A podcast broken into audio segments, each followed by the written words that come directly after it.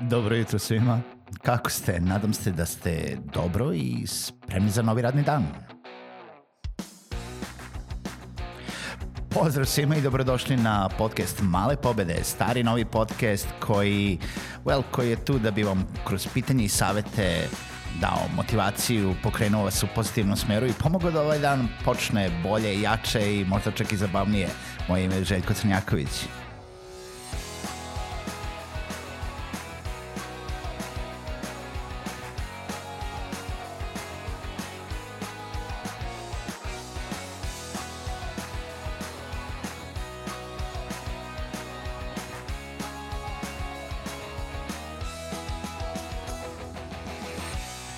Dobro jutro, pozdrav svima i dobrodošli u novu epizodu podcasta Male pobede. Moje ime, kao što je uvod rekao, jeste Željko Crnjaković i veoma mi je drago da ste i danas sa mnom sa podcastom Male pobede, podcastom koji ide svaki radni dan, nebitno kada ga slušate, mi smo tu svaki radni dan u 8 sati ujutru, da vam dan počne bolje, ali ako ga slušate uveče, onda dobroveče, pa neka vam naredni dan počne uh, bolje. Uh, nemojte zaboraviti da se subscribe-ujete, jel da bilo gde slušate podcast na bilo kojoj podcast platformi, iTunes, Spotify, Google Podcasts, Stitcher, Play Radio, šta god, um, jednostavno tako ćete najbrže i najbolje dobiti informaciju o tome kada izlazi svaka sledeća epizoda, a pišite mi ukoliko vas nešto zanima o tema, ukoliko imate neki komentar, neko pitanje na malepobede.gmail.com ili bilo gde na komentarima na društvenim mrežama uh,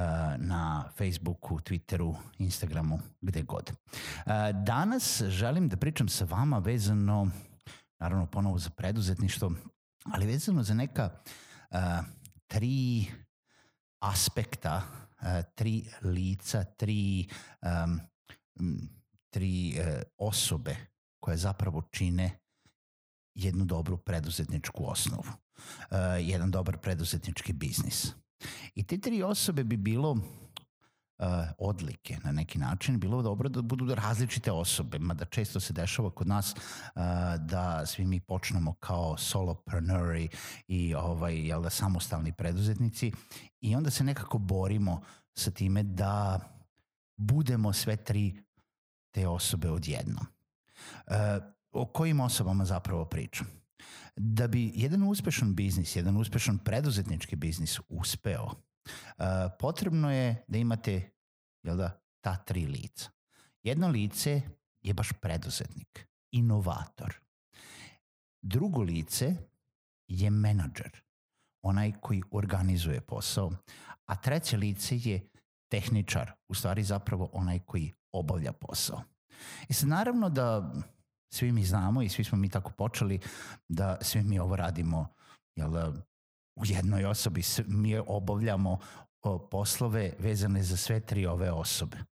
Jer mi smo ti koji imamo preduzetničku viziju, mi smo ti koji želimo da osnovujemo taj neki preduzetnički biznis, mi smo ti koji moramo da organizujemo taj posao na neki način da se dogovaramo sa klijentima, da prodajemo, da ugovaramo, da vodimo klijente kroz projekat, da ih posle uh, mazimo i pazimo i uh, da se trudimo da nam uh, se vrate, uh, a ujedno smo mi ti koji u početku sigurno i obavljamo zapravo fizički taj projekat, znači ne onaj deo marketinga, ne onaj deo prodaje, ne onaj deo uh, jel komunikacije sa klijentom, nego zapravo nebitno sa čime se bavite, da li se bavite, uh, ne znam, proizvodnjom ili uslugama ili jel da prodajem u nekoj radnji ili programiranjem ili dizajnom ili animacijom ili bilo čime. Znači vi ste ti koji zapravo i obavljate fizički radite taj projekat. To smo počeli da pričamo još kad smo pričali o freelancingu. Freelancer zapravo uh, jedna od najtežih stvari kod preduzetnika i kod freelancera i kod nebitnog svake osobe koja samostalno želi da uđe u biznis jeste to da pored toga što zapravo fizički obavlja taj deo projekta, rada na projektu na kojem radi, uh, mora da misli na druge stvari, mora da misli na marketing, mora da misli na svoj portfolio, mora da misli na financije, mora da misli na papirologiju, mora da misli o tome kako će dalje da razvija svoj posao, mora da misli o zalihama, mora o svemu. O tome da li ima WC papira u kancelariji. I sad, šta su zapravo razlike između ova tri lice, tri osobe? E, menadžer i i inovator, taj preduzetnik, e, su veoma različite uloge. Svi znamo i prepoznajemo da je taj tehničar isto tako veoma različita usluga, ali ona nam je jasna. To je neko ko zapravo obavlja posao za razliku od nekoga koji ugovara posao. Uh, to je neko ko zapravo izvrši taj dizajn ili programiranje naspram nekoga ko je nabavio klijenta, osnovao firmu, sredio dokumentaciju, komunicirao sa klijentom, prodao projekat uh, i vodio klijenta kroz taj projekat. I jako nam je jasno da ove dve osobe je od suštinske važnosti da budu različite osobe. Mislim, mnogo je veći procenat uspešnosti da te dve osobe budu, jel da, ne jedna osoba, nego različite uloge. Ajde, stalno pričamo osobe, to su zapravo uloge. Jer zašto? Zato što znamo gomilo ljudi koji zna kvalitetno tehnički da odradi nešto dobro, ali kaže, jao kako je smor danas pričati sa klijentima, ne stižem da mislim o nekom unapređivanju posla, ne stižem da mislim o prodaji. E, želeo bi samo da tehnički obavljam svoj zadatak i da se o, dru o drugome ne pitam. I jeste da svi mi znamo da to zahteva mnogo, mnogo energije, psihičke, ne samo vremena uloženog, nego psihičke energije u tome da to obavimo. E sad, ali malo možda nije jasna ona razlika uloga između inovatora i menadžera. Pa zapravo šta je tu razlika? Menadžer je nešto što vam je možda prijemčivije, nešto što znate iz svakodnevnog uh, rada, to, je, to su oni svakodnevni zadaci. To je ona osoba koja organizuje posao, koja brine o tome da sve bude kako treba, koja brine o tome da radnici, tehničari budu zadovoljni, koja brine o tome da klijenti budu zadovoljni, koja zna da komunicira, koja zna da radi pod pritiskom, koja zna da um, na neki način uradi neki, um, neku magiju pa da svi ti poslovi i projekti koji su se nagomilali budu zbrinuti tako da niko ne kasni, uh, niko ne vidi da je tu jel da nešto ušlo pre njega, nešto ušlo iza njega, ne, neko da je dobio prednost, neko nije dobio prednost, jer zapravo ne možemo mi sve da uradimo odjednom magično, nebitno da imamo 10 klijenata. Menadžer je taj koji sve to uh, šafluje, menja, uh, raspoređuje i na neki način trudi se da svi budu zbrinuti. E sad, ali da bi preduzetnički posao uspeo, vi morate da imate tog preduzetnika inovatora vi morate da budete taj preduzetnik inovator. Preduzetnik inovator nije nužno dobar menadžer. On sasvim sigurno je najdalji od uloge tehničara.